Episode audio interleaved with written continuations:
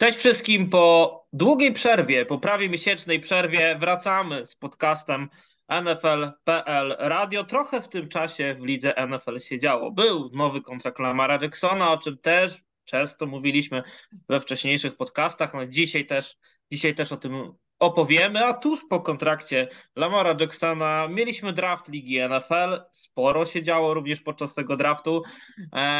A w ostatnich dniach poznaliśmy harmonogram i siłę harmonogramu i ogólnie daty, które warto mm, sobie gdzieś już teraz zakreślić markerem w kalendarzu i daty, kiedy trzeba będzie zarywać noce, bo nie ukrywajmy, że te najciekawsze spotkania będą e, podczas tych wieczorów z Ligą NFL, chociaż niekoniecznie, bo w tym roku e, będziemy mieli też spotkanie między innymi w Sylwestra i między innymi w Boże Narodzenie i na już informacje o tym pewnie partnerki nasze e, nas przeklinają, bo trzeba będzie gdzieś tam kitrać ten telefon i oglądać sobie mecze, ale o tym, o tym harmonogramie, o tym wszystkim e, będziemy mówić na sam koniec, a zaczynamy od Lamara Jacksona, a dzisiaj tak e, już bardzo oficjalnie, witając się wszystkimi, z wami wszystkimi, mówiłem wam dzień dobry w składzie Hubert Gawroński. Witam wszystkich. Maciej Zając. Cześć wszystkim. A ja nazywam się Karol Potaś i jeszcze z tego miejsca chcielibyśmy pozdrowić Kubę Kazula. Będziemy go dzisiaj wspominać, bo w naszych tematach gdzieś tam się też udzielał i pisemnie wypowiedział w dwóch, e, w dwóch, e, w dwóch tematach, ale rozchorował się. Tuż przed samym podcastem planowaliśmy zrobić e, w składzie czteroosobowym ten podcast, no ale skoro Kuba się rozchorował e, i, i mówi, że raczej chyba dzisiaj nie będzie dostępny, więc, e, więc klejmy go w trzy osoby. Natomiast Kubę bardzo serdecznie pozdrawiamy i no i zachęcamy, byście byli z nami, bo Kuba przygotowuje fajne rzeczy dotyczące draftu, ale o tym też e, powiemy później. Na wstępie jeszcze, zanim zaczniemy w ogóle część merytoryczną, chcielibyśmy podziękować wszystkim naszym 19 patronom, którzy wspierają rozwój naszej strony, rozwój projektu NFL Polska, bo, bo to już nie tylko strona, bo to też podcasty, Twitter, Instagram. E, ruszyliśmy też e, z programami YouTube'owymi i co do zasady było to zwykle tak, że rozmawialiśmy tylko o lidze NFL, no ale e, wczoraj mieliśmy też premierowy stream dotyczący ligi, polskiej futbol ligi futbolu w Polsce i dobrze się oglądał. Jeden dzień i ponad 500 odsłon na YouTubie, więc myślę, że całkiem obiecujące wyniki. Będziemy ten projekt kontynuować, ale nie byłoby tego wszystkiego, gdyby nie wsparcie naszych patronów. Jeśli chcielibyście e, dołączyć do tej grupy, do tych 19 patronów, e, wesprzeć projekt NFL Polska, sprawić, że jeszcze bardziej będziemy mogli się gdzieś rozwijać w tych swoich inicjatywach, to bardzo zachęcamy. W linku pod tym podcastem będzie informacja o profilu Patronite, mm, więc jeśli chcielibyście się zainteresować, tam są też różne progi wsparcia, to już teraz zachęcamy, by do tej grupy dołączyć, a później też do naszej grupy na Facebooku, a tam też trochę likujemy niektórych e, naszych projektów, jakieś tam zaczęcia, jakieś, no część projektów jest gdzieś e, z wami, z patronami e, też gdzieś ustalana, też jeżeli mamy jakieś informacje, które wpływają czy to na rozwój futbolu w Polsce, czy gdzieś jakieś zewnętrzne, którymi też możemy się dzielić, to też tam likujemy, żeby troszeczkę gdzieś tam też nieoficjalnie poplotkować, więc jeśli chcielibyście również plot, plotkować nam, z nami razem, e, to, to zachęcamy, bo to też gdzieś jest um, jakiś etap tego futbole, futbolowego wtajemniczenia, który bardzo chętnie z wami, z wami wchodzimy. Ale okej, okay, kropka. Tyle tego wstępu. Przechodzimy do Lamara Jacksona i Hubert najpierw do ciebie, bo Dosyć trafną diagnozę postawi, postawiłeś e, w jednym z naszych ostatnich podcastów.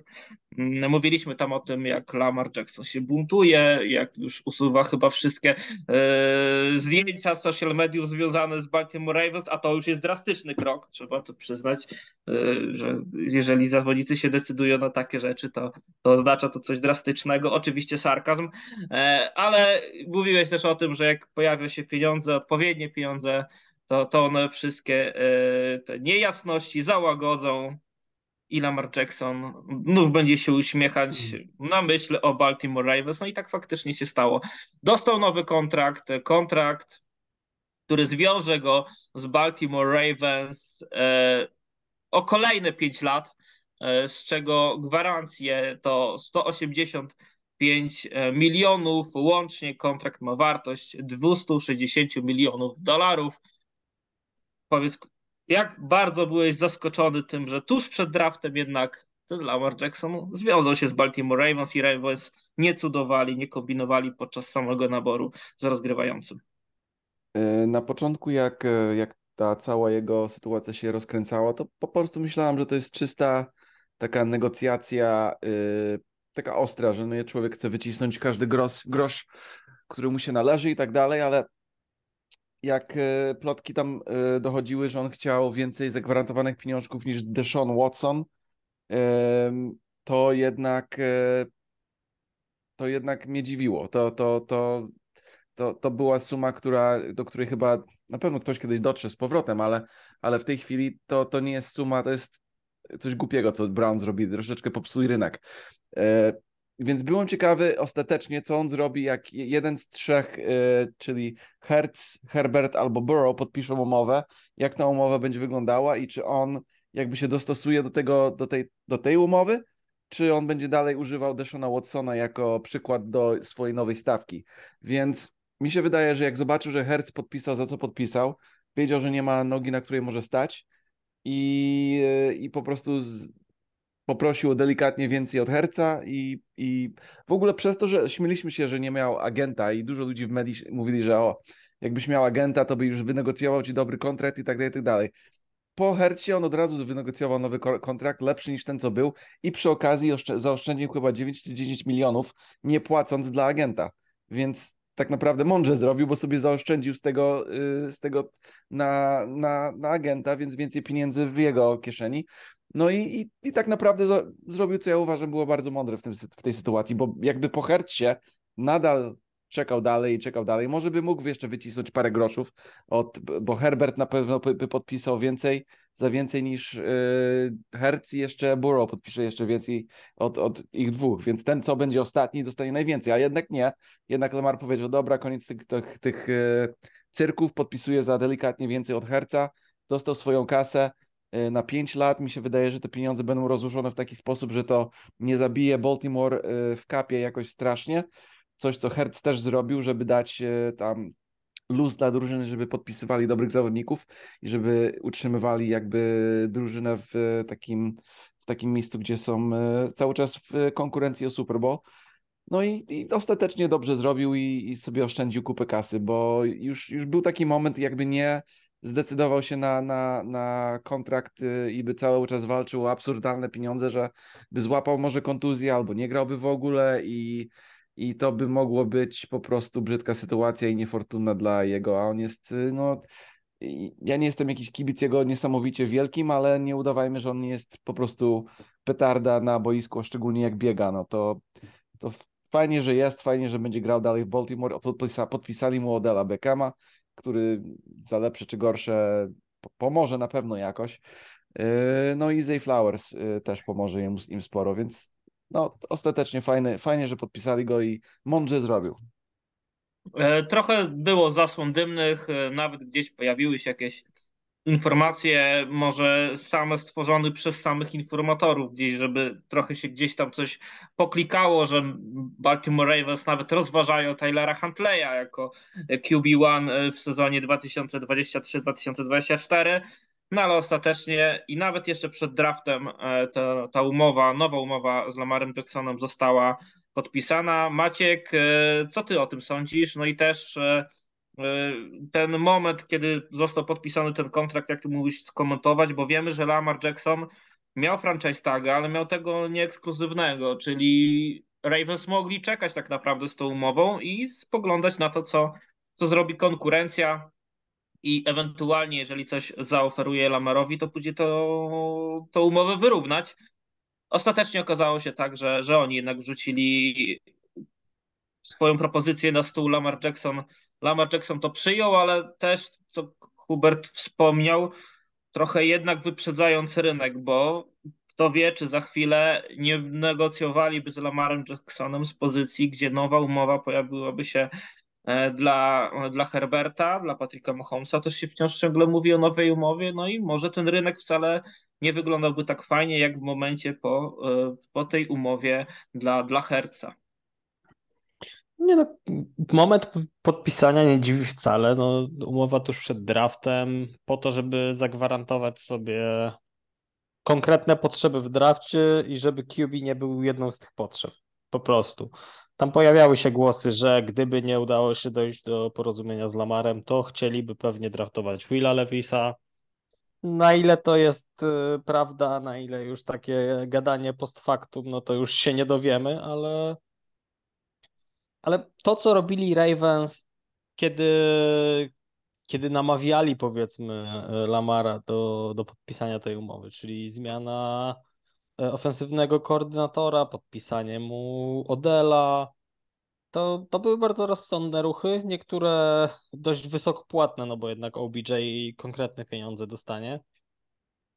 Natomiast e, moim zdaniem ten ruch się broni na każdym poziomie, no bo jeżeli masz elitarnego QB u siebie, a co by nie mówić, człowiek, który wygrywał nie tak dawno MVP, to, to, to jest elitarny QB i to, że on miał jakieś kontuzje, to tego nie zmienia. Zgadzam się też bardzo z Hubertem w kontekście tego, co powiedział o Deshonie Watsonie, że po prostu Browns, chcąc sobie zagwarantować Watsona, przelicytowali rynek dość mocno.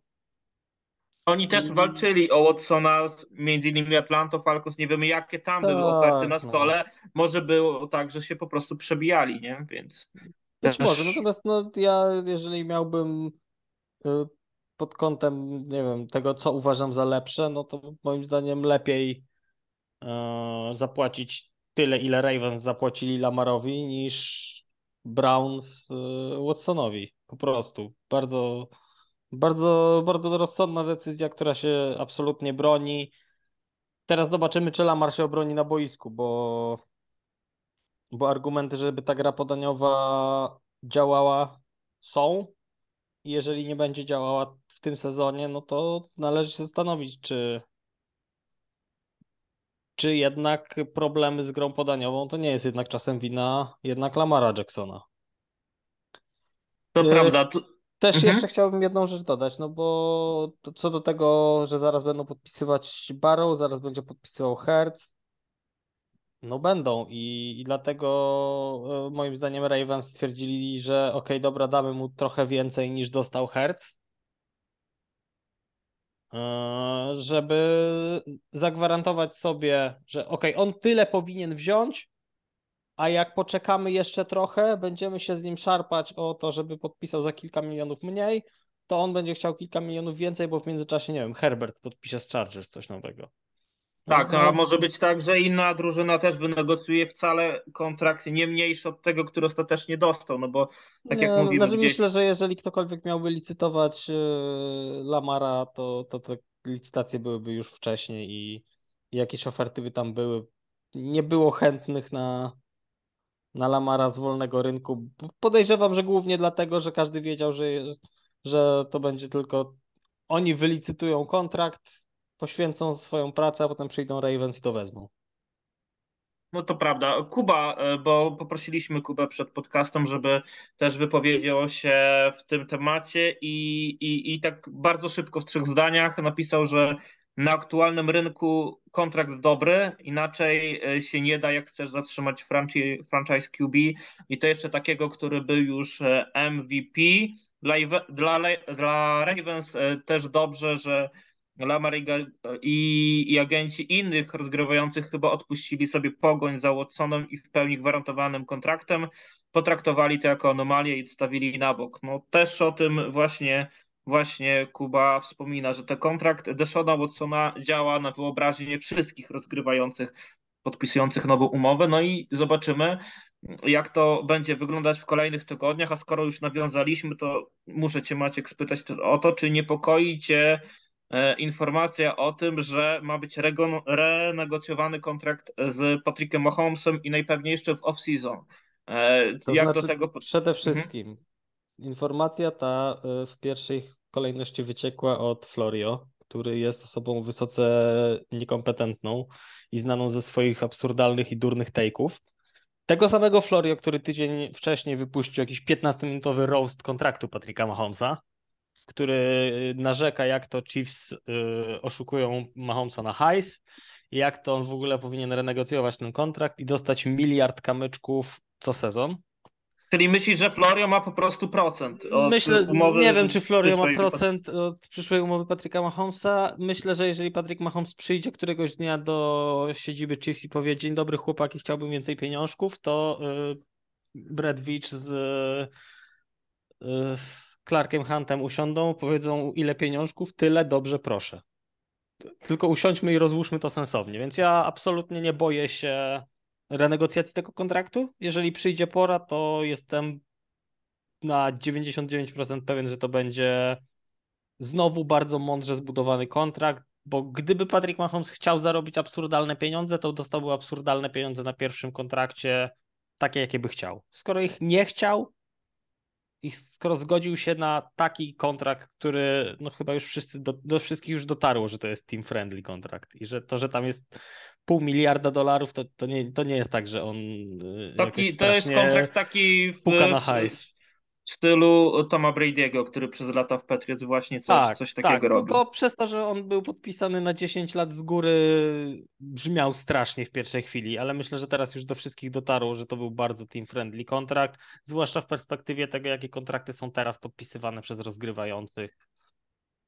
I, I jeżeli będzie kwestia renegocjacji kontraktu Patryka Mahomesa, to podejrzewam, że podobnie on znowu będzie w jakiś sposób imponująco wyglądał cyferkami, ale jak się wczyta w ten kontrakt, to okaże się, że on jest bardzo team friendly. Myślę, że myślę, że tutaj absolutnie nie mam obawy.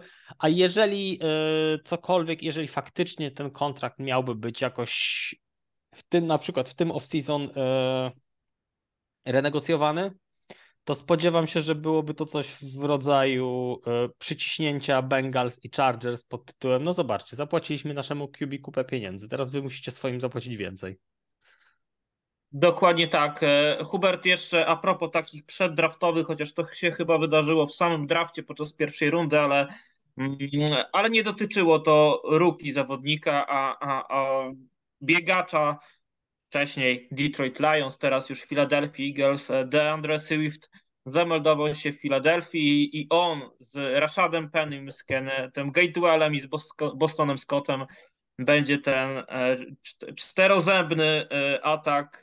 Jeśli chodzi o, o biegaczy, prowadził, jak zareagowałeś ty i jak zareagowali, zareagowali sami fani Eagles na to, że DeAndre Swift zameldował się w waszej drużynie. Nie, no bardzo fajnie. To, to jest linebackerzy i running backi w systemie, który Eagles używają ich, to, to absolutnie nie powinni.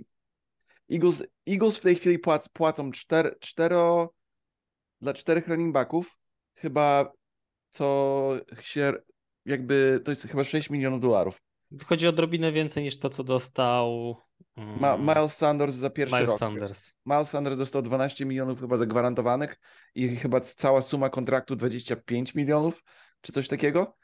A my mamy czterech dobrych running backów sprawdzonych, raczej sprawdzonych. Jeden był, oba Swift i Penny są kontuzji, kontuzyjne, bo Penny miał kontuzję rok temu, ale jak był zdrowy, to grał bardzo dobrze. Yy, Bardzo fajnie downhill runner jest taki yy, troszeczkę taki yy, nie do końca taki zwinny, ale taki silny, co potrafi ludzi, szuka kontaktu zamiast go unika, a Swift z drugiej strony to, łapie piłki, jest troszeczkę taki, yy, no taki szybszy i taki bardziej zwinny i ogólnie to jest running back, który będą się bardzo fajnie komplementować. Oczywiście Boston Scott tylko i wyłącznie jest podpisany, żeby 10 touchdownów przeciwko Giants yy, zrobić, a Kenny Gainwell jest ogólnie taki troszeczkę jak yy, Swiss Army Knife, czyli taki, co robi troszeczkę wszystkiego dobrze i fajnie grał w rozgrywkach rok, e, rok temu, nawet e, zabierał e, troszeczkę zabierał carries od Miles Sanders, więc jak dla mnie to, to piękna sprawa, mało zapłacili, mają czterech running backów, z dwóch, których spokojnie mogą być starterami na innych drużynach, ale Eagles oczywiście rotację używają w gry biegowej, więc nie zabijają żadnych running backów, a jednocześnie używają ich umiejętności w taki sposób, że każdy ma szansę, żeby tam mieć swój moment w, w jak najbardziej pozytywnym kierunku, tak? Więc to, to jest super, super sprawa, bym tak samo zrobił, tak samo robię w Madden i, e, i to, to jest dokładnie jak ja bym się zachowywał z running backami. Ja nie wiem, jaki running back by musiał się pojawić, żebym ja zapłacił jemu, ja nie wiem, 60 milionów albo coś, coś takiego, co dostał nawet McCaffrey albo Kamara albo Chyba, chyba Adrian Peterson dostał 100 milionów. Ezekiel Elliott dostał chyba 75 milionów.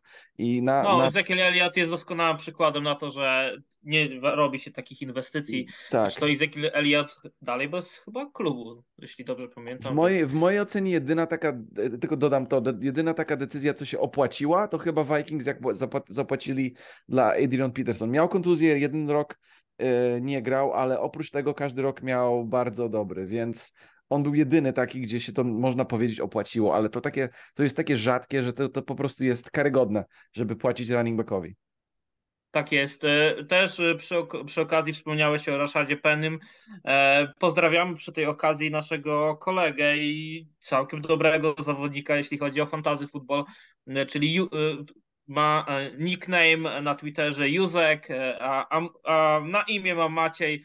Maciek, e, pamiętam, że wielokrotnie w tych właśnie decydujących kolejkach gdzieś tam walczył o Rashada Penego, bo e, jak na tym starcie sezonu gdzieś właśnie Rashad Penny jakieś mniejsze kontuzje, tak e, często w tych finałowych kolejkach Rashad Penny to był gościu, który ciągnął drużynę w playoffach i E, no i warto było wtedy Rashada Penego mieć, no ale tak jak też mówisz u was, e, jest spora rotacja i może być tak, że oczywiście na Giants to na pewno Boston Scott tam się gdzieś pojawi, e, ale w wszystkich innych meczach będzie, będzie to, to fajna rotacja i myślę, że że to gdzieś będzie fajnie żarło, szczególnie, że Jalen Hearns i Marcus Mariota, bo też trzeba gdzieś tych dwóch zawodników łączyć razem, e, to też zawodnicy, którzy lubią biegać, więc e, ta... Dlaczego chcesz obrażać Jalena Herca i porównywać go jakkolwiek do Markusa Marioty? E, Mario, Markus Mariota nie, że porównywać, tylko może być wykorzystywany tak, jak był wykorzystywany też w Raiders, e, gdzie wchodził w akcjach specjalnych, żeby oszczędzać na przykład, wiesz,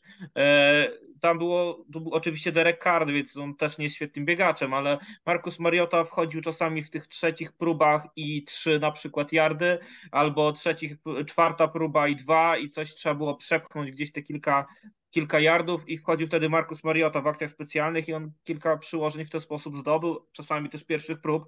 Trochę taki Hill, e, Tyson Hill z, z Nowego Orlanu, więc e, nie wiem, jak będą wykorzystywać Eagles Markusa Mariotę. Właśnie, ja, ja mogę, mogę, ci nawet uzupełnić, co, e, tak bardzo szybko. Jego cel, jego podpisaniem był taki, żeby nie zmieniać nasz atak, tak jak dla Minshew zmieniliśmy atak i cały czas RPO gra jest używana. On, on po prostu jest inną wersją Jalena Herca, taki sam ma takie same umiejętności co do gry biegowej i i nasz atak będzie raczej tak samo wyglądał z tym i z tym. No to kwestie rzucania piłki i tak dalej, to wiadomo, że Hertz jest tylko lepszy w tej chwili, no nawet bardzo, ale... ale Hertz Mari... jest lepszy w absolutnie wszystkim od y, Marioty, ale tak, Mariota jest ale style gry są podobne. Walmartową wersją Herca. No. No, to, no tak, o to mi chodzi, więc jako backup za te 5 milionów to tak, bardzo proszę.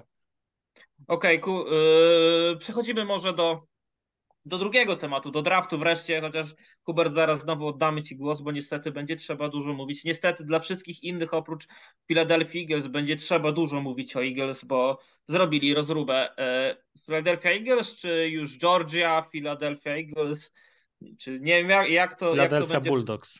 O, Philadelphia Bulldogs. Bulldogs, tak, to też, y, też bardzo mi się podoba, ale o tym za chwilę. Natomiast y, tuż przed jakby startem tego tematu, y, już teraz reklamujemy, bo Kuba Kazula przygotuje, przygotowuje właśnie, jeszcze nie jutro, ale najpewniej pojutrze na naszej stronie pojawi się podsumowanie dywizyjne, jeśli chodzi o wszystkie draftowe e, wybory i też nie tylko wybory, ale też motywacje drużyn do wyborów. Będzie to podzielone na dywizje w częściach, więc e, już teraz wszystkim, wszystkim zachęcamy. Kuba Dzisiaj go nie ma na naszym podcaście.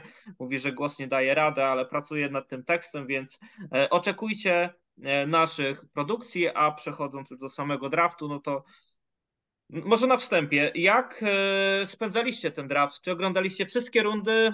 Pierwszy i drugi dzień oczywiście, bo trzeci to chyba tylko NFL Network, można było tam gdzieś to śledzić, ale jak to wyglądało w waszym przypadku, Maciek?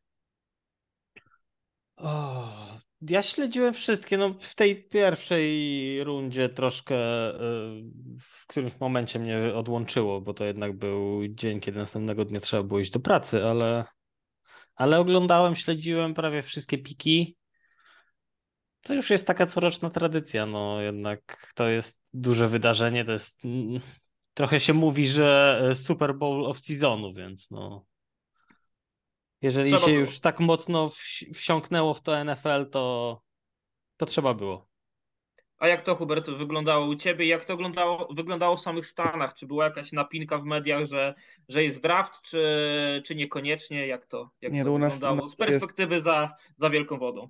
To, to tak, u nas to raczej w, w gronach tych y, kibiców futbolu to jest bardzo duży, duży moment w off-seasonie, bo tak naprawdę jesteśmy spragnieni jakiejś, jakiegoś czegośkolwiek w futbolowe, futbolowego, no nie, więc, więc tak, to jest, to jest spora, przed draftem sporo się czyta od mock drafty, o zawodnikach, o tym, o tamtych, no i już człowiek y, tworzy swoją opinię na który zawodnik im się wydaje, drużyna powinna wygrać, wybrać i, i się ogląda z takim przekonaniem, że ty znasz najlepiej i oni mają wybrać tego, co ty chcesz, żeby, żeby wybrali zawodnika, więc jak patrzyło się na te nazwiska i tak dalej, to tak e, ci- kibice, co tam są, co byli w Kansas City, chyba w tym roku był ten draft, Tak, tak, był w Kansas City. I oni tak kibicują, że tego wybrali, tego, tak naprawdę nie masz pojęcia, drugi kibicu, jak ten zawodnik wyląduje, ale no to jest takie e, troszeczkę bawienia się, jak, jak kibice się bawią w GM-a i tak, wiesz, kibicują lub nie kibicują dla, dla, dla różnych zawodników, żeby byli wybrani przez ich ulubionych drużynów. Pa pamiętam jedyna rzecz, Donovan McNabb, jak był wybrany, to cały stadion, czy tam cały y, scena, gdzie tam była, y, to było nagrywane, chyba w Radio City, y, wszyscy no po prostu gwizdali, że McNabb to było wybrać Ricky Williams, i McNabb po prostu był tragicznym wyborem, tak? A jednak tutaj McNabb chyba był najlepszym wyborem Ja, z całej ja tylko rundzie. powiem, że ja tylko powiem, że y, cała masa kibiców, nie tylko Kansas City Chiefs, ale też wielu innych drużyn y, przy wyborze Patricka Mahomesa stwierdziła, że o Chryste Panie, po co przecież jest Alex Smith. No właśnie. No, no i, No i więc widzisz, no trzeba nie, wziąć... Mhm. ocenianie pików w dniu draftu jest cholernie trudne. Jasne, możemy powiedzieć sobie, że my lubimy tego, tamtego, siamtego zawodnika i, i dokładnie to będziemy dzisiaj mówić, że nie wiem, ta drużyna draftowała super, bo, bo Dobra, to podobają tak mi się zawodnicy, tak? Pro, prowokacyjnie, czy jak okazało się, że Bryce Young trafia do Caroliny Panthers, to czy komuś w głowie przyszło, ale po co nam Bryce Young, przecież jest Eddie Dalton. No, no nie, no to, to nie jest ten poziom żartuję. abstrakcji jednak. Zwłaszcza, że chyba już byliśmy mentalnie gotowi na to, Alex Smith w sumie- jedynką pójdzie Bryce Young, tak? Tak, tak, zdecydowanie tak. No to dobra, to przechodzimy. Maciek, zostawiam cię z tym głosem.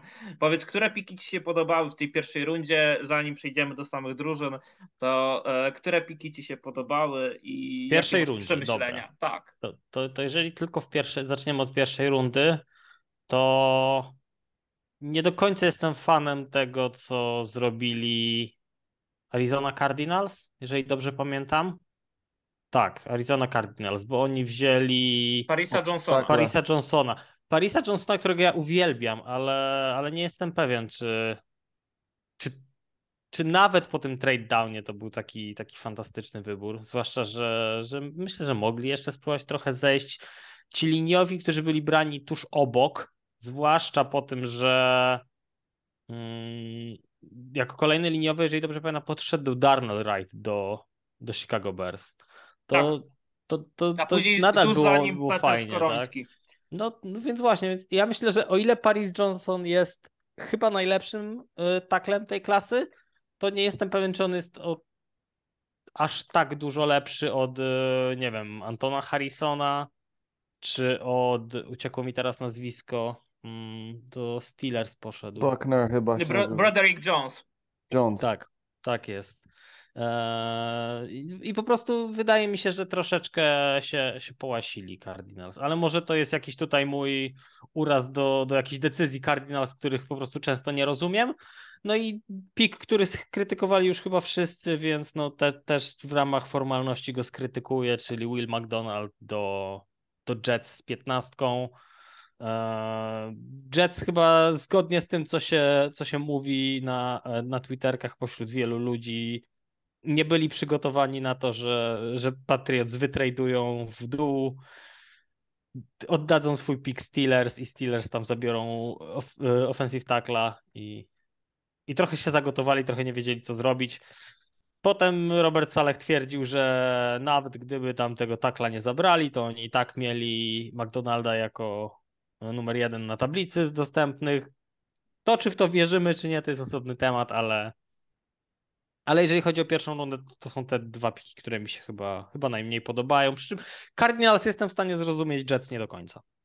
Okej, okay, no to od razu też dwa piki wybierz, które ci się wybitnie podobają, zanim przejdziemy do drużyny, to, to, to kogo, kogo, piki, kogo chcesz mi się, wyróżnić? mi się wybitnie podobają. E, to jest coś, ktoś, o kim bardzo dużo mówiłem w naszym mock drafcie. E, ekstremalnie zaskoczyli mnie Commanders, że wzięli go tak szybko, ale uważam, że Emmanuel Forbes to jest fantastyczny cornerback i można mówić, że to Rich i pewnie trochę tak będę uważał, ale, ale za bardzo lubię taśmę Emanuela Forbesa, żeby, żeby krytykować ten wybór. Po prostu uwielbiam tego, tego zawodnika i życzę mu wszystkiego najlepszego w Waszyngtonie. Bardzo fajny, bardzo fajny corner, dużo Dużo wniesie, mam wrażenie, do, do Commanders. No i pik, którego się nie da nie pochwalić, również cornerback y, New England Patriots. No, no majstersztyk. Christian Gonzalez idący z 17 po trade downie. No, no ja ja dużo mogę krytykować. Kuby dzisiaj, e, Kuby dzisiaj mówię na naszym streamie nie ma, ale z pewnością też bo Cristiana Gonzaleza e, gdzieś wymienił. No zresztą nawet tuż przed samym e, jakby wyborem, bo też na, pod hashtagiem NFL.pl sporo się działo, też gdzieś na jakichś wewnętrznych naszych grupkach, czatach też sobie pisaliśmy o tym i Kuba do końca nie wierzył, że ten Christian Gonzalez się jednak tam znajdzie. Ostatecznie to się udało. No i tak, no to już, no nie, to już Christian, jest Christian Gonzalez to jest majstersztyk, majstersztyk wzięty z 17 po trade downie, jeszcze zarobione piki, jeszcze yy, nasrane do gniazda Jets. Jakby no totalny wygryw. Totalny wygryw. Tak, tak jest. Ja jeśli mam wyróżnić piki, które, które zrobiły na mnie wrażenie, no to z pewnością, tak jak wspomniałeś, Christian Gonzalez, ten drugi pik, który bardzo lubię i którego bardzo chciałem mieć w Raiders, ale niestety E, Raiders mieli inny pomysł by, e, na, na, na swój wybór. To Jalen Carter z dziewiątym pikiem w Georgii, z Georgii e, w, w Philadelphia Eagles dla mnie jeszcze w tej defensywie, gdzie jest wszystko opakowane Georgią, to, to będzie gość, który będzie niszczył, aby tylko ogarnął się gdzieś tam w głowie, ale myślę, że w takim otoczeniu też wśród swoich kolegów to e, to, to siądzie niesamowicie.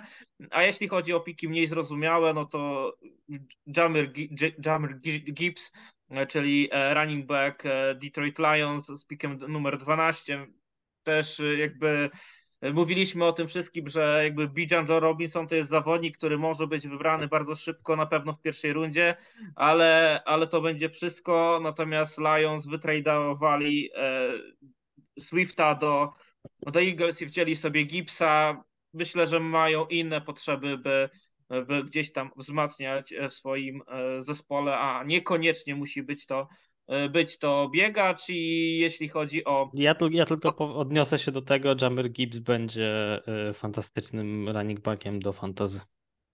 Tak, tak, tak, zdecydowanie tak. No i drugi pik to, ale już też w kontekście przyszłości, to jestem fanem talentu Antonego Richardsona, który nie jest pewnie e, gotowy jeszcze, by w tym 2023 roku grać, ale taka jest przyszłość Ligi NFL. Trzeba mieć takich właśnie zawodników, e, nie typowych takich e, pocket passerów, a właśnie bardzo mobilnych. E, I, i teraz jeszcze dowiadujemy się o Antonym Richardsonie dużo różnych opinii już po tym, jak dołączył do do Indianapolis Colts, e, że bardzo współpracuje tam ze sztabem, że nawet chyba nosi piłki, jakieś takie różne fajne rzeczy, że jest bardzo pokorny w tym wszystkim i w sumie potwierdza się to, co słyszeliśmy przed draftem o nim.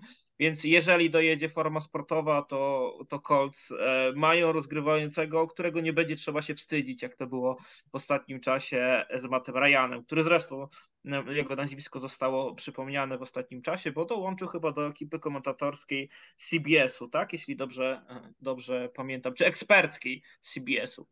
E, dobra, Hubert, to jest ten czas. Możesz chwalić piki no właśnie.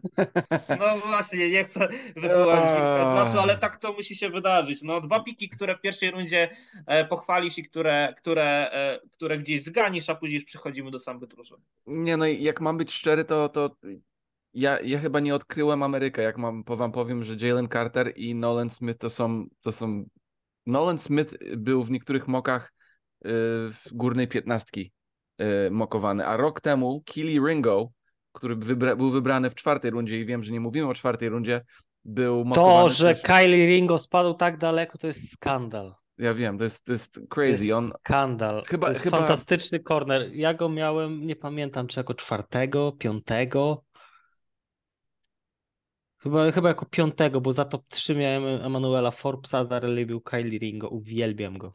No. I, I, to, jest, to jest skandal, że on spadł tak daleko i Eagles będą mieli z niego pożytek. Jedyna rzecz, yy, ostatnia rzecz, co mi się podobała, i to, ja wiem, że teraz skaczę po rundach, bo wiadomo o Jalen, Jalen Carter, aby, aby miał, yy, aby nic głupiego nie robił i on, on jeździł szybko samochodem i niestety tragiczna rzecz się stała, ale chyba, chyba jego tam udział w tych tragicznych wydarzeniach nie jest tak karygodna, że będzie siedział w więzieniu. Um, a, a, a, idzie do drużyny, gdzie naprawdę jest y, sporo y, starszych zawodników, którzy jego myślę, że naprostują na dobrą drogę. E, Nolan Smith to jest, jak masz go porównać do zawodnika aktualnego, to jest coś jak J, e, Hassan Reddick albo Micah Parsons, bo to jest nie za duży, ale bardzo szybki, eksplosywny zawodnik.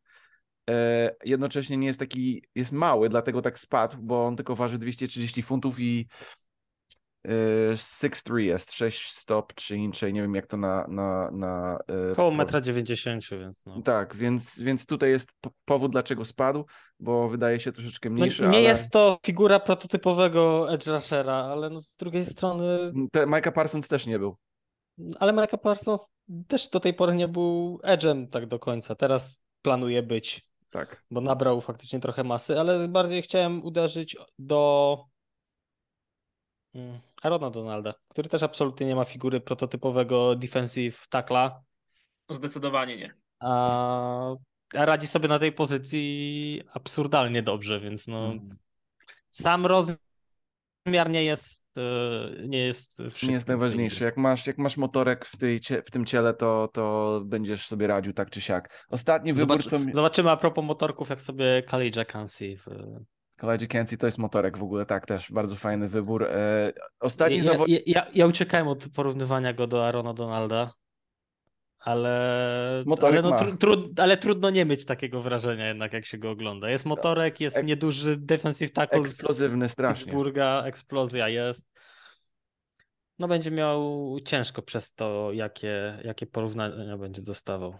Ostatnia rzecz, co, co chwalę w tych, i oczywiście to jest znowu Eagles y, wybór, Sydney Brown, ale nie przez to, że jest jakimś, on jest dobry zawodnik, ale jak macie okazję, y, słuchacze, sobie wygooglować, czyli wyjutubować szczególnie historii Sydney Browna i jego brata, kurczę, był wybra... on jest running backiem, był wybrany w Cincinnati, też y, oczywiście nazwisko Brown, ale zapomniałem jego imię. Oni w ogóle są z Kanady i po prostu sporo takich e, niesamowicie ciężkich sytuacji życiowych przeskoczyli. Dużo zawodników mają także ciężkie sytuacje mają w życiu, ale mają, oni mają wyjątkowo tak, mieli ciężką sytuację, byli bezdomni przez jakiś czas, e, mama nie mogła pociągnąć dalej, bo miała choroby i różne rzeczy takie. E, naprawdę ich, to, że byli wybrani do, do NFL, to jest, to jest sukces sam w sobie. I jak się ich słucha, to wcale sympatyczni, tacy fajni chłopaki, więc e, polecam e, na NFL Network na YouTubie można, e, czy na NFL, na kanale NFL na YouTubie można sobie obejrzeć 15-minutowy filmik o ich historii, bardzo fajny. A zawodniki, które mi się nie podobały, to nie chodzi koniecznie o to, że mi się nie podoba zawodnik, tylko gdzie był wybrany, to Bijan Robinson nigdy w życiu nie wybierałbym running backa tak wysoko w drafcie.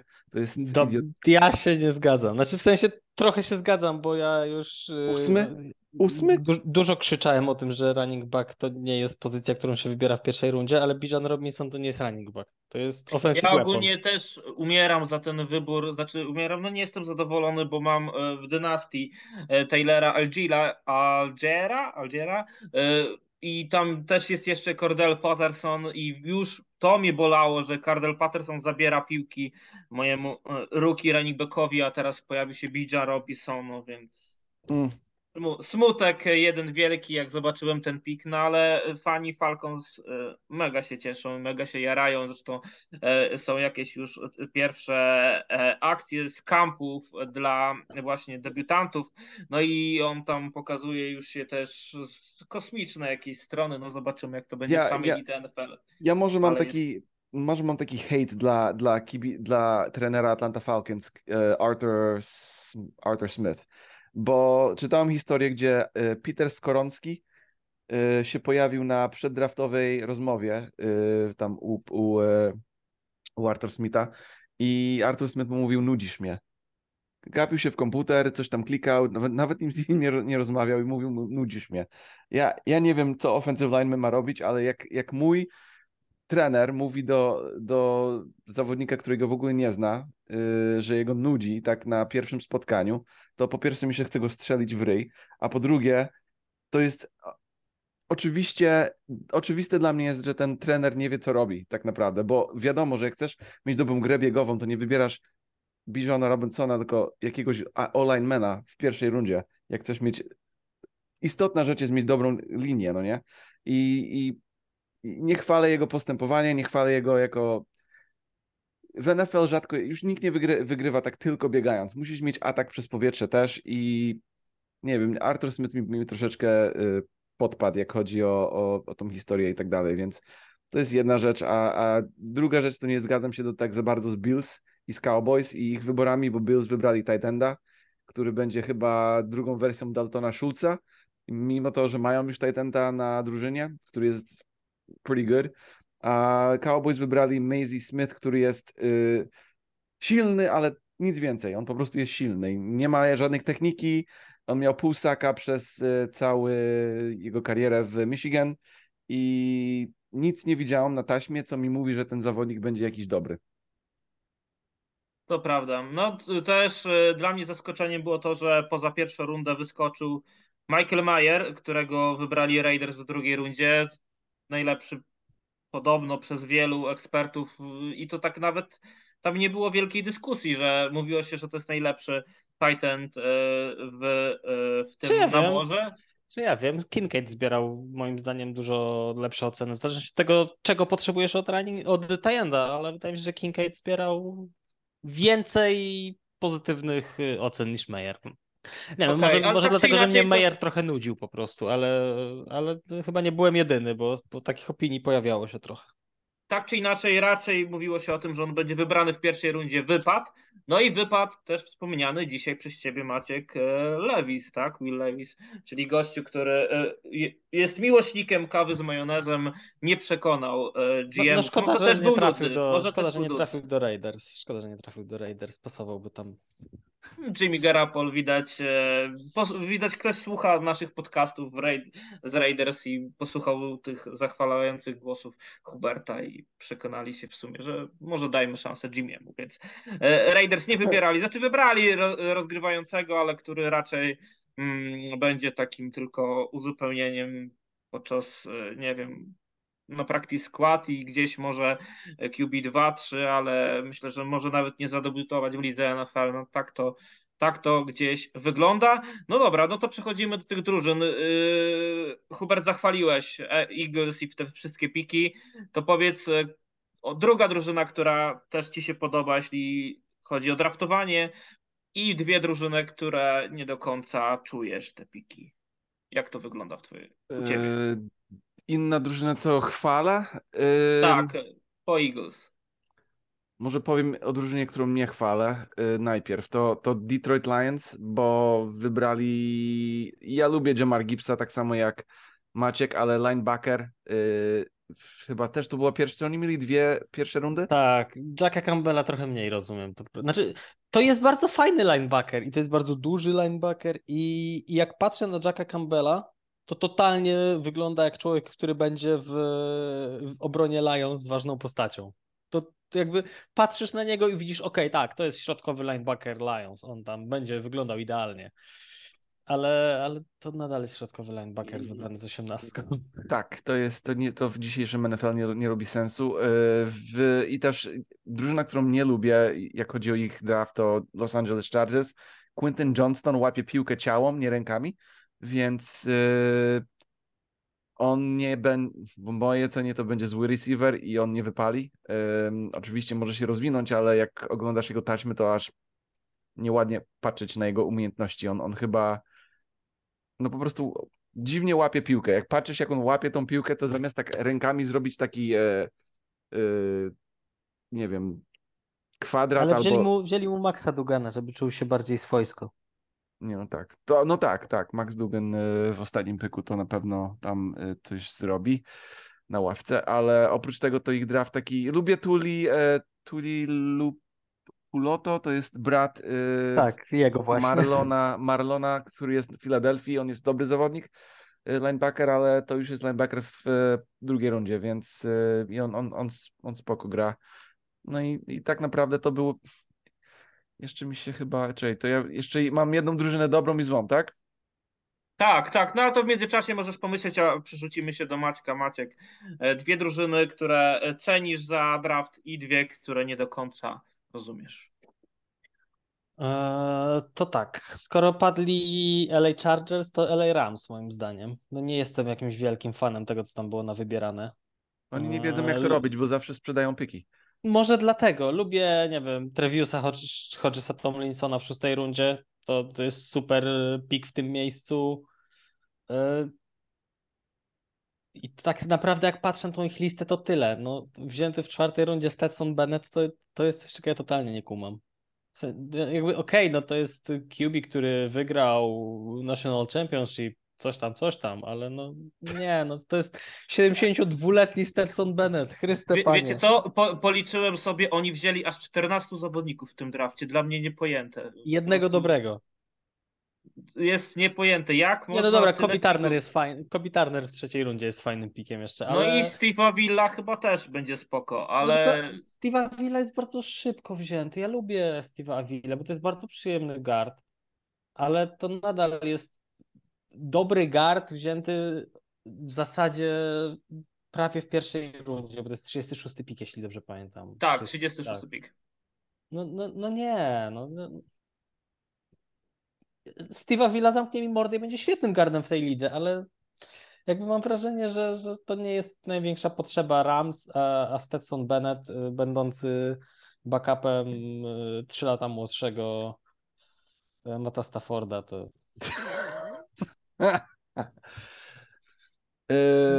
no, tak, Bang... no dobra, to, Bengals, to, to oprócz... No, mhm. Bengals mieli dobry draft. Miles Murphy, DJ Turner, Jordan Battle i ten running back tego brat y, Sydneya Browna, Chase Brown y, w piątej rundzie. To są, to, to, jest, to jest fajna grupa zawodników, szczególnie pierwsze trzy, bo odpadł im chyba Jordan Bates, czy, czy jak on się nazywa, ich tak. safety? Mm. Bates. Jezu. Bates, ale imię mi wypadło. Justin, Justin Bates. Tak. Jesse Bates. Jesse Bates, tak. Odpadł, więc potrzebowali e, zastąpić go.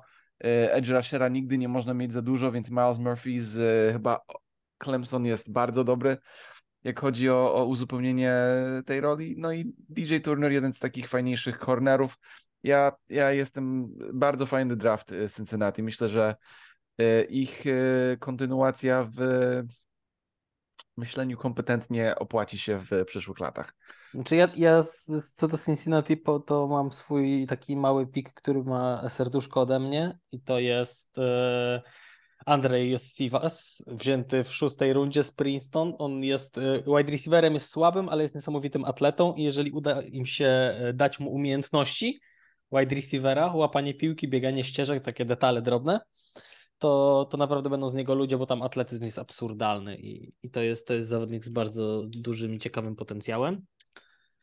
E, co do jeszcze jednej drużyny, którą uważam, że warto by wyróżnić, to No jest... właśnie czekam, czy to e, powiecie, a później ci dorzucę jeszcze Maciek jeszcze jedno, żebyś Nie, nie komentował, może trafisz. Ja nie sądzę. E, uważam, że pomimo tego, że mieli tylko cztery piki, Denver Broncos bardzo dobrze je wykorzystali. Lubię No to wszystkie cztery. Lubię wszystkie cztery. Może Marvin, Marvin Mims jest wzięty trochę szybko, bo to jest e, 63 pik. Mm, nie wiem, nie teraz z pamięci nie powiem, jacy receiverzy tam byli na tablicy w międzyczasie, ale pamiętam, że w momencie draftu wydawało mi się, że trochę, troszkę szybko ten Mims jest wzięty. Drew Sanders to jest e, bardzo dobry e, linebacker. Uważam, że tam mokowanie go w pierwszej rundzie było przesadą, natomiast wzięcie go na samym początku trzeciej rundy to już jest bardzo fajny wybór. Na cornerbacku Riley Moss to jest, e, to jest taki nasz tutaj e, trochę czacikowy running joke był, ale, ale uważam, że Riley Moss to jest naprawdę dobry, dobry cornerback i może być bardzo też dobrym, przydatnym special teamerem w Broncos. No i e, młodszy klon y, Kama Chancellora z trochę mniejszymi umiejętnościami LJ Skinner z Boise State w szóstej rundzie. Żadne ryzyko, spora szansa, że coś fajnego z tego będzie. Okej, a nie wspomniałeś na przykład o ekipie, e, Filad- e, przepraszam, e, Pittsburgh Steelers. Oni wzięli Bredericka Jonesa, o nim mówiliśmy w pierwszej rundzie, ale też mam im wrażenie, w trzeciej rundzie Darnell Washington Steelers- i Joy, Joy Porter. Mam wrażenie, Mhm. że od Pittsburgh Steelers i Indianapolis Colts mówiło się tak dużo, że, że już im wystarczy, ale obie te drużyny mają, mają fantastyczne drafty. Tak. E, bo Colts wzięli Richardsona, wzięli Juliusa Brentsa, wzięli Josha Downsa, Blake w czwartej rundzie, e, Ad- Adetomiła Adebayor w czwartej rundzie też. Steelers właśnie Herbig wspomniany. To są dwie drużyny, które absolutnie top 3 naj, najlepszych draftów moim zdaniem, jeżeli patrzymy na całość tej klasy. Tak, no i a propos tych tight endów. e, No i Joey Porter, Joey Porter No. Jr. pasujący idealnie do Pittsburgha, to, to, to musiało się tak skończyć. Tak. Tak, no y, i, i mówię, w trakcie draftu gdzieś e, często padało na, nazwisko, jeśli były wybory Titanów właśnie Darnella Washingtona, okazało się, że e, wychowanek Georgii ma jakąś kontuzję. Nie wiadomo, jak to będzie chyba z jego pierwszymi tygodniami w lidze NFL, bo coś tam ma się rehabilitować.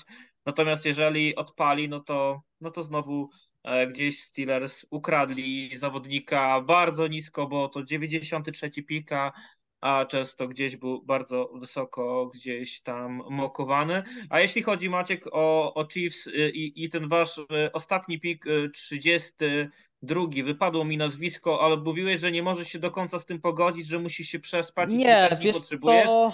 Czy teraz po Eee, kilku tygodniach już kumasz o co chodzi? E, już zaraz e, Nie, nie, mówię. ja to, ja to mówiłem o, o dalszej części klasy Chiefs, bo Felix Anudike Uzomach, Tak, tak. Tylko mówiłeś, że i- 32 y, pik to nie jest to, znaczy, myślałem, że troszkę wcześniej, że troszkę wcześniej, że, że, że jednak Felix troszkę by spadł, ale, ale Chiefs byli na niego chyba bardzo napaleni i stwierdzili, że okej, no jest, to go bierzemy, nie będziemy kombinować. Rashi Rice to jest pik, który bardzo lubię. e, To był jeden z moich ulubionych wide receiverów tej klasy. Wzięty w drugiej rundzie. Też miałem wrażenie, że może ciut wcześniej, ale, ale myślę, że to jest, to, jest, to jest całkiem niezły wybór. E, Bardziej mi się już, jeżeli już miałbym się czepiać Chiefs, to nie podobały, nie podobały piki w day 3, bo tam jest e, Chamari Conner, BJ Thompson i Nick Jones, których totalnie nie rozumiem. E, BJ Thompson wzięty w, w piątej rundzie, kiedy mm, powiem, powiem szczerze, że nawet nie pamiętałem, że taki zawodnik jest w drafcie. E, W szóstej rundzie Keandre Coburn, świetny wybór, tutaj nie ma tematu, bardzo dobry defensive tackle, idealnie okrągły w sam raz, żeby stać obok Chrisa Jonesa.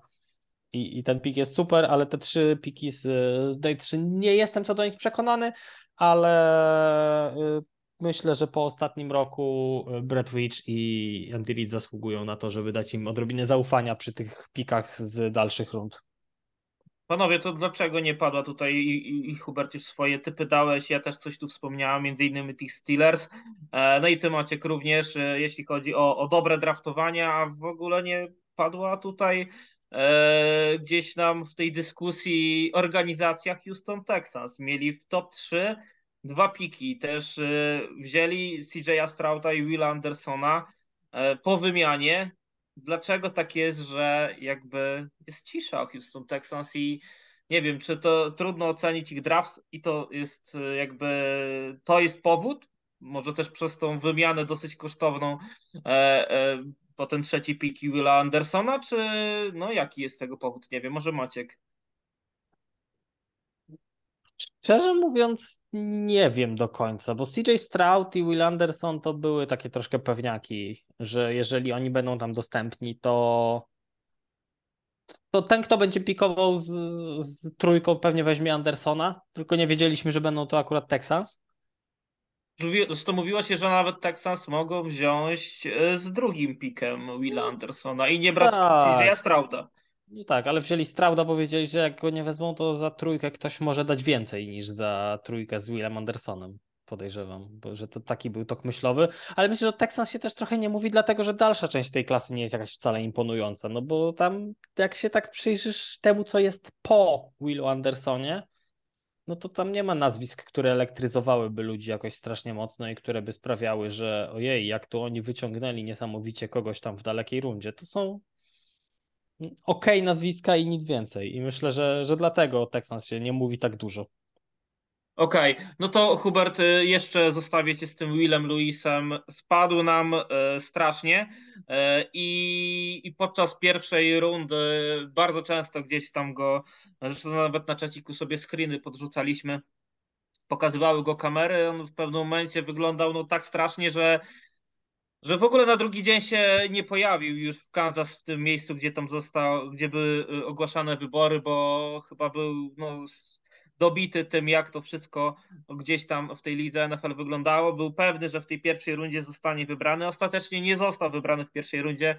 Trafił do Tennessee Titans y, i też dla Tennessee Titans jest to, myślę, y, no bo dużo mówiło się o tym, że y, ktoś y, jednak wskoczy po ten 30, 31, 32 pik i Willa Luisa jednak weźmie, żeby mieć opcję piątego roku w razie jak ten zawodnik odpali. Nic takiego się nie wydarzyło. Will Lewis spadł i, i wzięli go ostatecznie Tennessee Titans. Powiedz, y, jak ty oceniasz to wszystko, co tam się działo w związku z nim? Mm, no i same miejsce, gdzie trafił, bo Tennessee Titans wydaje się być chyba całkiem fajnym miejscem. Zresztą on jest mocno nakręcony, by jednak udowodnić całej lidze NFL, że, e, że mieli złe o nim zdanie, że zbyt szybko go skreślili i chce pozamiatać trochę tutaj kilku, e, kilku generalnych menadżerów, no więc, więc może, zostawiam Ciebie, Hubert. Może takie upokorzenie być potrzebne dla, dla zawodnika, żeby wejść na odpowiednie tory. To na pewno nie jest tak, tylko wiele... dla, dla formalności 33 pik. Mhm, Czyli to, to nie to... było otwarte. Mhm. To, to, to, dla, dla zawodnika, który miał być wybrany w pierwszu, pierwszych chyba 10, to, to jest spory, spory kop w dupę. I rzeczywiście, jak się jego oglądało, to, to widać po nim było, że, że po prostu ziomek y, topi się y, emocjonalnie i tak dalej. Tam rodzinka się tylko mu uśmiechała w lewo i w prawo. I wiesz, i a on jednak, jego pocieszało, a on jednak, wiesz, yy, no uciekł sobie. Yy, jak patrzyłem na jego taśmę, jak patrzyłem na jego yy, dzień, jak to się nazywa? Ten dzień College Day. Pro, pro Day? Pro Day. To tak, ma bardzo, bardzo mocno rzuca piłką, ale nic innego nie widziałem. Jego E, dużo, dużo ludzi mówiło, że to jest surowy zawodnik, że jego precyzja jest. Znaczy nie, on, cał, on całkiem nieźle biega, tylko jeżeli chcesz zawodnika, który całkiem nieźle biega i. Mi nie chodzi o bieganie, surowy, surowy i, i musi dopracować rzucanie piłką, no tak. no to masz y, Antonego Richardsona, który jest 4 lata młodszy. Tak, i też e, pamiętajmy, że Tennessee Titans wzięli rok temu Malika Willisa, którego nie próbowali nawet e, rozwijać. Teraz mówi się, że może gdzieś go wytną, ale wzięli już taki sobie prototyp zawodnika pod rozwój i, i nawet nie próbują chyba go rozwijać. Chyba, że on naprawdę tak beznadziejnie prezentuje się na treningach, ale aż trudno w to uwierzyć. ja nie jestem przekonany, że Will Levis po prostu. Ja, może to jestem po prostu ja. Ja bym został na drafcie, mimo to, żebym spadł do drugiej rundy i bym pozwolił, żebym, żebym był wzięty późno. Żeby pokazać, że po prostu mam, mam jaja i mnie to nie, mi to nie przeszkadza. Ja, dla mnie, da, ja bym tak się zachował. On, nie wiem, po prostu oglądając, jak on się zachowywał, jak to wszystko się działo, to byś pomyślał, że jemu piesek umarł. I potem jeszcze, wiesz, no Tennessee dobra drużyna yy, historycznie, z tym, że jak się zachowali z Malikiem Willisem teraz, że no może w ogóle nie, nie, nie, nie, nie wyrobić się na tej drużynie, to jest kolejna kwestia. Ja, ja nie, nie wiem do końca, tam nie ma dobrych skrzydłowych do końca, tam jest niesprawdzony Traylon Burks i chyba jest yy, ten, co grał na Rams, co miał kontuzję, wiecie o co mi chodzi? O kogo e, Woods. Woods, E, Robert e, Woods, tak?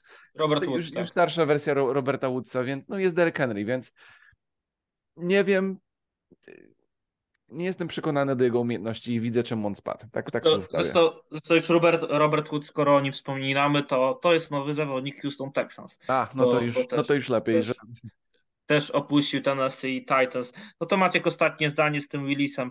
Zobaczymy go jeszcze w lidze NFL jako startera, czy nie? Nie, no myślę, że zobaczymy. No, wiesz, no, gorsi zawodnicy startowali w tej lidze niż Will Lewis, więc to, zwłaszcza, że no, tam rozgrywającym jest Ryan Tannehill, no na litość boską, to jeżeli nie jesteś w stanie przeskoczyć Ryana Tannehilla na pozycji startera, to, to, to w ogóle dlaczego myślałeś, że możesz być wybrany w pierwszej rundzie? To, że nie jestem fanem Willa Lewisa, nie znaczy, że uważam go za absolutne beztalencie. On ma ma konkretne umiejętności i moim zdaniem te porównania do e, chociażby do Josha Allena po tym, jak w momencie, kiedy wchodził z uczelni, to, to są dość trafne porównania, tylko po prostu mam obawę, że w Tennessee nie ma e, ludzi o umiejętnościach Briana Dabola, żeby rozwinąć mm, taką właśnie, nazwijmy to, e, bieda wersję Josha Allena w coś większego. I ja po prostu, nie wiem, jakoś nie umiem się przekonać do, do, do Willa Luisa. Nie zdziwię się, jeżeli on będzie starterem i nie zdziwię się, jeżeli on będzie kompetentnym starterem w dobrej drużynie, tylko teraz ani, ani w Tennessee nie ma sztabu, ani w Tennessee nie ma ofensywy, w której on mógłby z miejsca okazać się tym kompetentnym dodatkiem, kompetentnym rozgrywającym.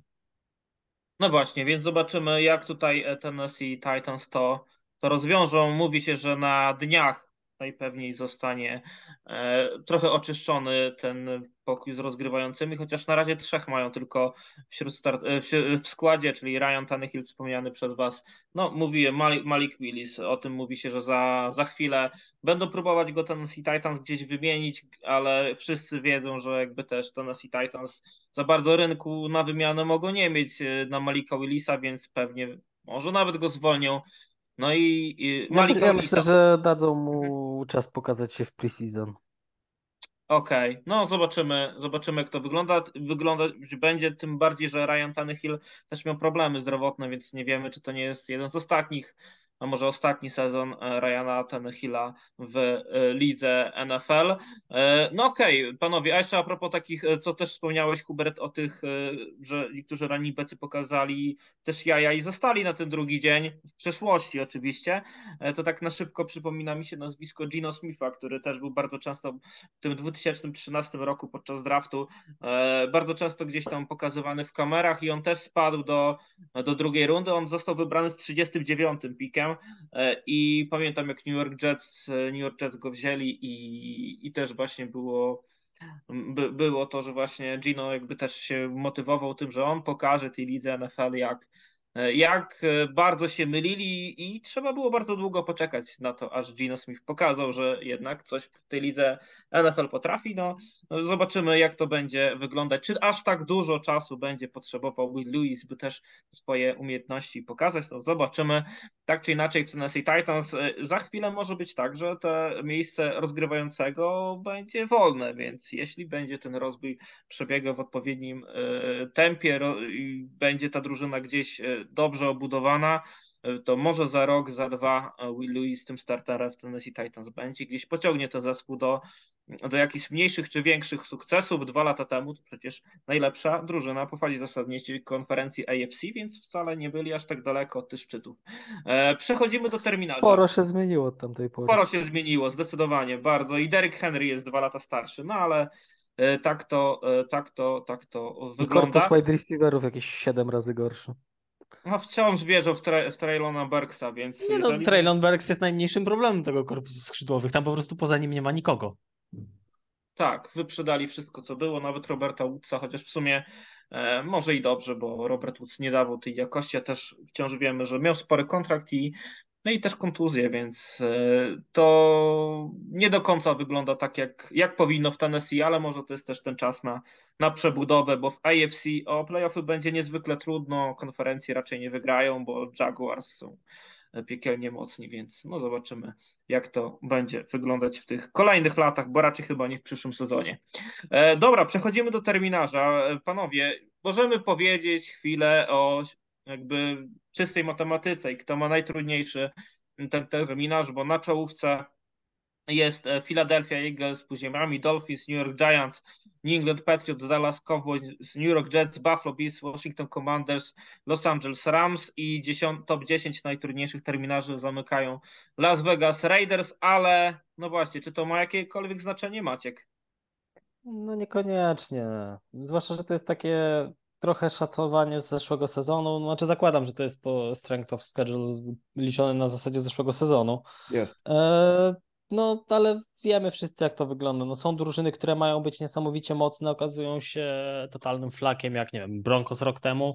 Są drużyny, które mają być słabe, okazują się zaskakująco mocne i, i dlatego ja bym Seahawks do tego... rok temu. Seahawks rok temu. Ja bym do tego strength of schedule w ogóle nie przywiązywał wagi. Bardziej już jeżeli miałbym na coś patrzeć, to, to jeżeli wiemy, że drużyna, zakładając, że drużyna jakaś będzie mocna, chyba że wydarzy się jakaś absolutna tragedia, na przykład, nie wiem, jeżeli ktoś ma mecz z Broncos, z Bengals po krótkim tygodniu, no to wiadomo, że to będzie cięższy mecz niż mecz z Broncos po bye weeku, z Broncos, z Bengals. I, I to są takie rzeczy, na które ewentualnie zwracałbym uwagę przy tym terminarzu. Jeżeli patrzymy, czy on jest trudny, czy jest łatwy, no to właśnie kogo masz po krótkim tygodniu, kogo masz po bye w którym miejscu masz bye czy masz jakąś serię dwóch, trzech bardzo ciężkich meczów, albo jakieś dwa, trzy dalekie wyjazdy pod rząd. To, to są takie rzeczy, na które zwracałbym, zwracałbym uwagę, jeżeli już chodzi o, o terminarz. No bo no jeżeli jesteś, nie wiem, Eagles, Chiefs, e, Bengals, Bills, drużyną tego poziomu, no to kogo byś w tym terminarzu nie miał, to po pierwsze zawsze będziesz miał mocne drużyny, bo grasz z jedynkami e, z tych konferencji, w których dostajesz drużynę z miejsca, więc to już jest wiadomo, że będzie prawie na pewno trudny mecz, chyba że jedynka jest jakoś strasznie słabła. Wszystkie trzy te dywizje są bardzo mocne. Wszystkie cztery tak naprawdę, bo, bo NFC East jest w tej chwili bardzo mocne, AFC West tak, jest NFC jest bardzo mocne. Wszystkie, AFC wszystkie te, jest bardzo mocne, AFC wszystkie te cztery drużyny. Mocne. Tak, wszystkie te cztery drużyny, które wymieniłem y, w, w top 10 też należą do NFC East i tam, tam będzie Mucka, bo tak naprawdę wydaje się, że chyba tym ostatnim na razie, y, gdzieś jakbyśmy to rozpisywali, ten ranking, to pewnie na tym czwartym miejscu byliby Commanders, ale no, może być to różny sezon i każdy mecz to mogą być tam żyletki. No tak, no fajnie, że fajnie, że będzie znowu kilka fajnych meczy w Europie, zwłaszcza, że w tym sezonie NFL naprawdę e, stwierdziło, że rozpuści e, fanów, fanów w Europie i da kilka fajnych meczów. Chociaż tutaj ciekawostkę można sprzedać, bo mówiło się dużo o przy okazji meczach w Europie, skoro już ten temat gdzieś wpadł nam e, e, do, do podcastu, mówiło się dużo o meczu e, Kansas City Chiefs Chicago Bears, ale ostatecznie ten mecz nie odbędzie się właśnie w tym zestawieniu, bo Maciek możesz wyjaśnić, bo to też Chiefs gdzieś tam w swoich mediach oficjalnie bardziej bądź mniej przedstawili. No mniej Liczę- oficjalnie, bo to było takie bardziej y, y, insiderskie informacje. Generalnie drużyny, które mają domowe mecze w Europie, mają ten swój wyjazd europejski, y, mają dogadane z ligą, że mogą sobie jeden mecz ustawić, że na pewno nie będą grali go w Europie i Chiefs podobno poprosili, żeby tym meczem, którego na pewno nie będzie w Europie, był mecz z, z Bears, ze względu na to, że, że fani Bears dobrze jeżdżą na wyjazdy i, i po prostu była to szansa na zarobienie sensowniejszych pieniędzy. Taka jest wersja, która wyszła do mediów. E, Co do tego, czy- tak jest faktycznie, nie wiem, absolutnie się na tym nie znam, więc to, to jeżeli tak powiedziano, to być może tak było. Kiedy ta informacja wyszła, byłem niemal pewien, że, że do Europy wyślą y, Lions z Chiefs, a, ale uznano, że, że idziemy na grubo i, I od tego będziemy otwierać sezon. i, i od tego będziemy otwierać sezon, a Chiefs do Europy zaproszą Dolphins. I to jest mecz, który moim zdaniem może. Jeżeli tak popatrzymy na te europejskie mecze, które, które NFL nam wysyłało, to pod względem jakby przedsezonowych przewidywań, to może być jeden z najlepszych meczów w ogóle w Europie, jakie kiedykolwiek dostaliśmy. Tak, tylko tu dużo mówi się, no bo też mamy Tyreka Hilla, to też taki smaczek, e, który może gdzieś tam ganiać po defensywie Kansas City Chiefs i gdzieś tam pewnie będzie mocno zmobilizowany i zobaczymy to w Europie. Zobaczymy to nawet w Niemczech, we Frankfurcie, zresztą oba mecze e, w Niemczech odbędą się we- Frankfurcie w tym roku. Ale e, tu też jeszcze dorzucę, bo skoro już o tym, i zaraz przechodzimy do ciebie Hubert, ale jeszcze też dorzucę, skoro już jesteśmy przy tym meczu, E, Tua Tagovailoa. E, Wiemy, że ma, miał te wstrząśnienia mózgu i, e, i teraz długi lot do Niemiec i tam mecz. Czy to ciebie Maciek w jakiś sposób niepokoi, czy nie? No, na nie wiem na ile niepokoi, na pewno ciekawi, bo nie jestem absolutnie e, ekspertem od spraw neurologicznych, nie wiem jak to wygląda, natomiast gdzieś e, widziałem informację, że jeżeli Tua będzie miał jeszcze jedno wstrząśnienie, to, to lekarze zalecają mu, żeby raczej nie latał samolotem na długie trasy. E, No. Nie chcę się wypowiadać, bo tak jak mówię, totalnie nie jest to moja działka. E, Myślę, że NFL bierze to pod uwagę, że, że, że Tua może być troszkę mniej dyspozycyjny na wycieczkę do Europy, natomiast e, to, to nie jest coś, czego nie da się przeskoczyć, zwłaszcza, że Dolphins nawet w playoffach pokazali, że i bez Tuły mogą zagrozić najlepszym w meczu z Bills, więc ja bym absolutnie nawet Dolphins bez Tuły nie, nie skreślał, bo, bo Dolphins ta mają drużyna Jalena naprawdę Ramsey fajnie jeszcze. się, ta drużyna naprawdę fajnie się buduje. Okej, e, Hubert, e, przygotuj sobie e, ciekawsze smaczki tego, tego, tego terminarza. Za sekundę do ciebie przechodzę. Ja jeszcze tylko tak mówię, uzupełniając, przeczytam wszystkie spotkania, jakie zobaczymy w Europie, a więc startuje nam to już tak naprawdę bardzo szybko, bo w tygodniu czwartym 1, 1 października zobaczymy starcie w Londynie. Atlanta Falcons, Jacksonville Jaguars. Też niezwykle ciekawy mecz. Mówiliśmy o Bijanie Robinsonie w Atlancie Falcons. Fajnie będzie go zobaczyć. Jego początki pewnie będzie starterem. Biegał dużo, robił wszystko, by dostarczyć nam sporo atrakcji. No a Jacksonville Jaguars, no to to fajna potęga, która gdzieś tam się gdzieś buduje, no i zobaczyć, e, będziemy, możemy, będziemy mogli zobaczyć Jaguars aż dwukrotnie, więc e, Trevor Lawrence będzie mógł być sprawdzony i przeciwko Atlancie Falcons, zresztą wiem, Atlanta Falcons e, wzmocniona bardzo mocno w tej defensywie, Jesse Bates chociażby, ale tam mnóstwo innych nazwisk też do tej defensywy Falcons e, dołączyło, więc e, fajny test, zobaczymy jak sobie Trevor poradzi. Później e, w tygodniu piątym właśnie Jaguars e, już na innym stadionie, bo zaczynają na Wembley, a, a tydzień później Jacksonville Jaguars kontra Buffalo Bills i też kapitalne spotkanie. No trudno, tak jak wspomniałeś Maciek, e, trudno jakby porównać w ogóle to, co kiedyś tam liga oferowała, a co No teraz tak, tam kiedy, kiedy, kiedyś e, do Europy były wysyłane jakieś e, Odrzuty najczęściej takie. re, odrzuty, takie mecze, których nikt nie chciał oglądać i tak dalej, jakieś nie wiem, Lions z kimś grali, jeszcze ci tacy fatalni Lions.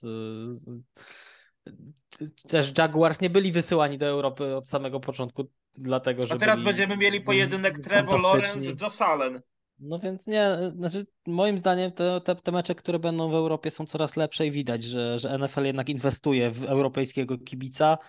Nie dość, że daje tych meczów coraz więcej, to daje te mecze coraz lepsze.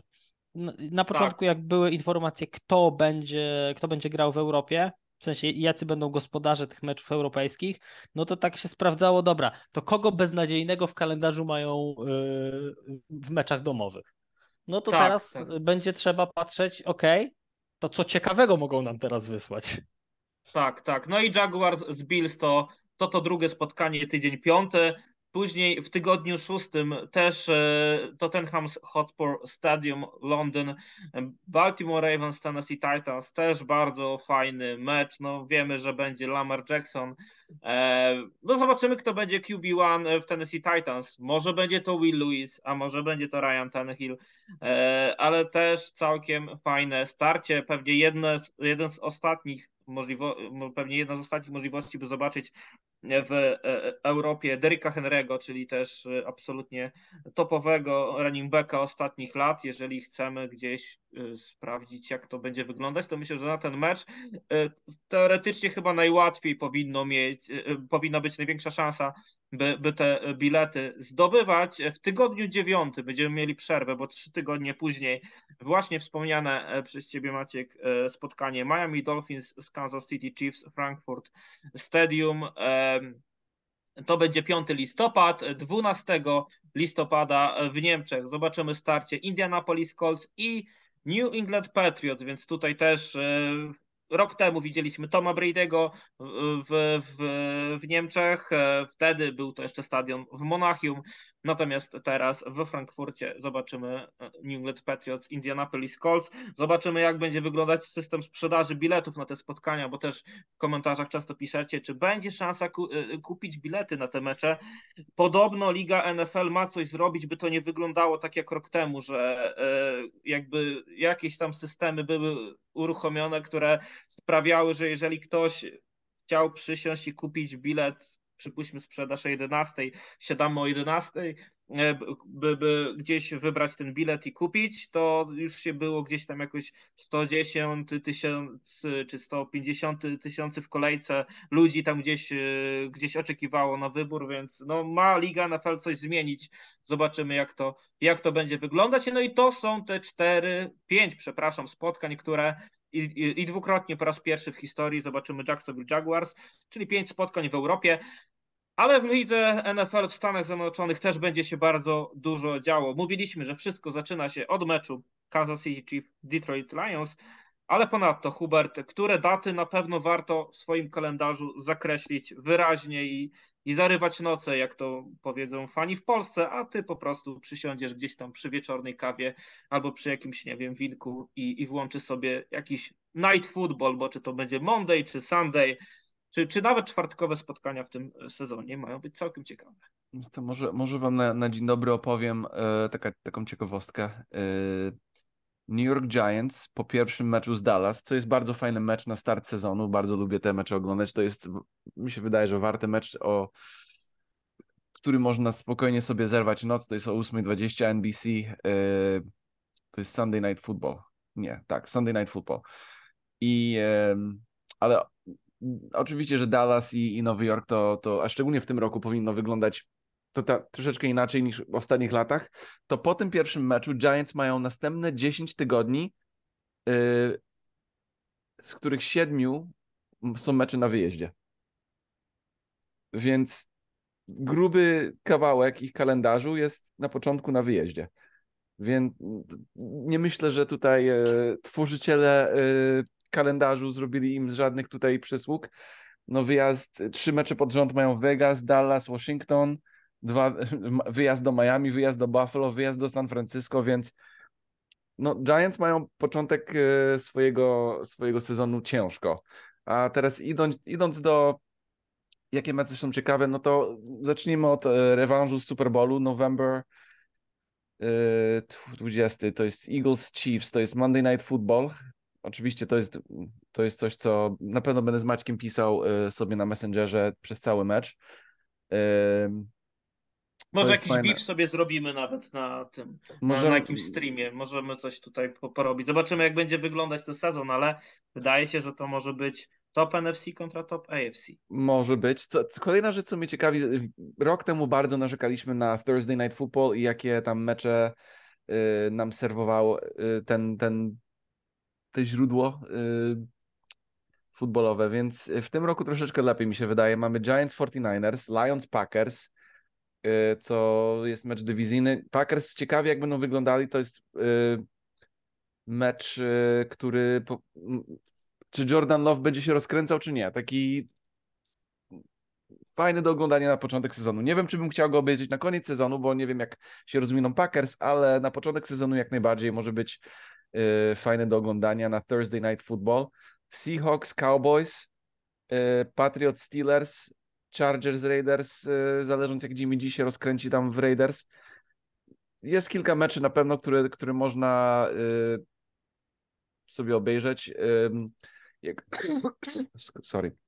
Jak chodzi o Sunday Night Football, no to 49ers Seahawks na Thanksgiving, święto dziękczynienia, Eagles Cowboys, Ravens Jaguars, to jest mecz, który parę lat temu byśmy po prostu powiedzieli, a Ravens ich rozwalą, a jednak Jaguars się tak rozwinęli, że to jest, to jest, to jest must see TV.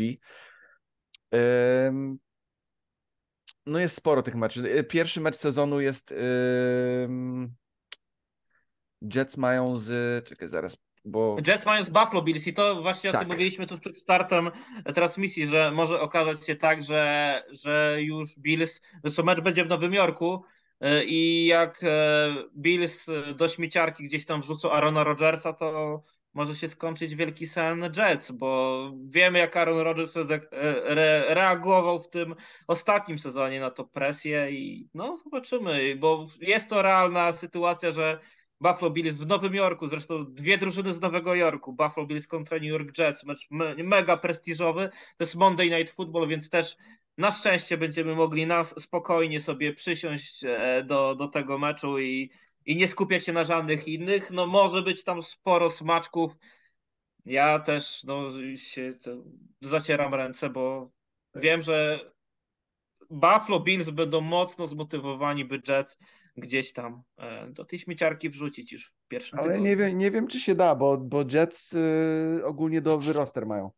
I, I jak na moje oko, to, to aby Aaron Rodgers jakoś y, jeszcze trzymał formę, to mogą być bardzo niebezpieczną drużyną.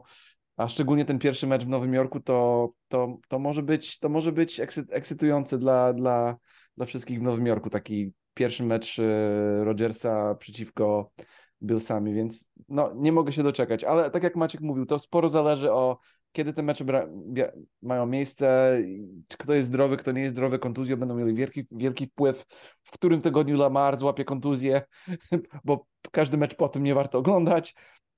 Nie, że jakoś mu wróżę kontuzję, ale ostatnie parę lat miał kontuzję, więc tak mówię.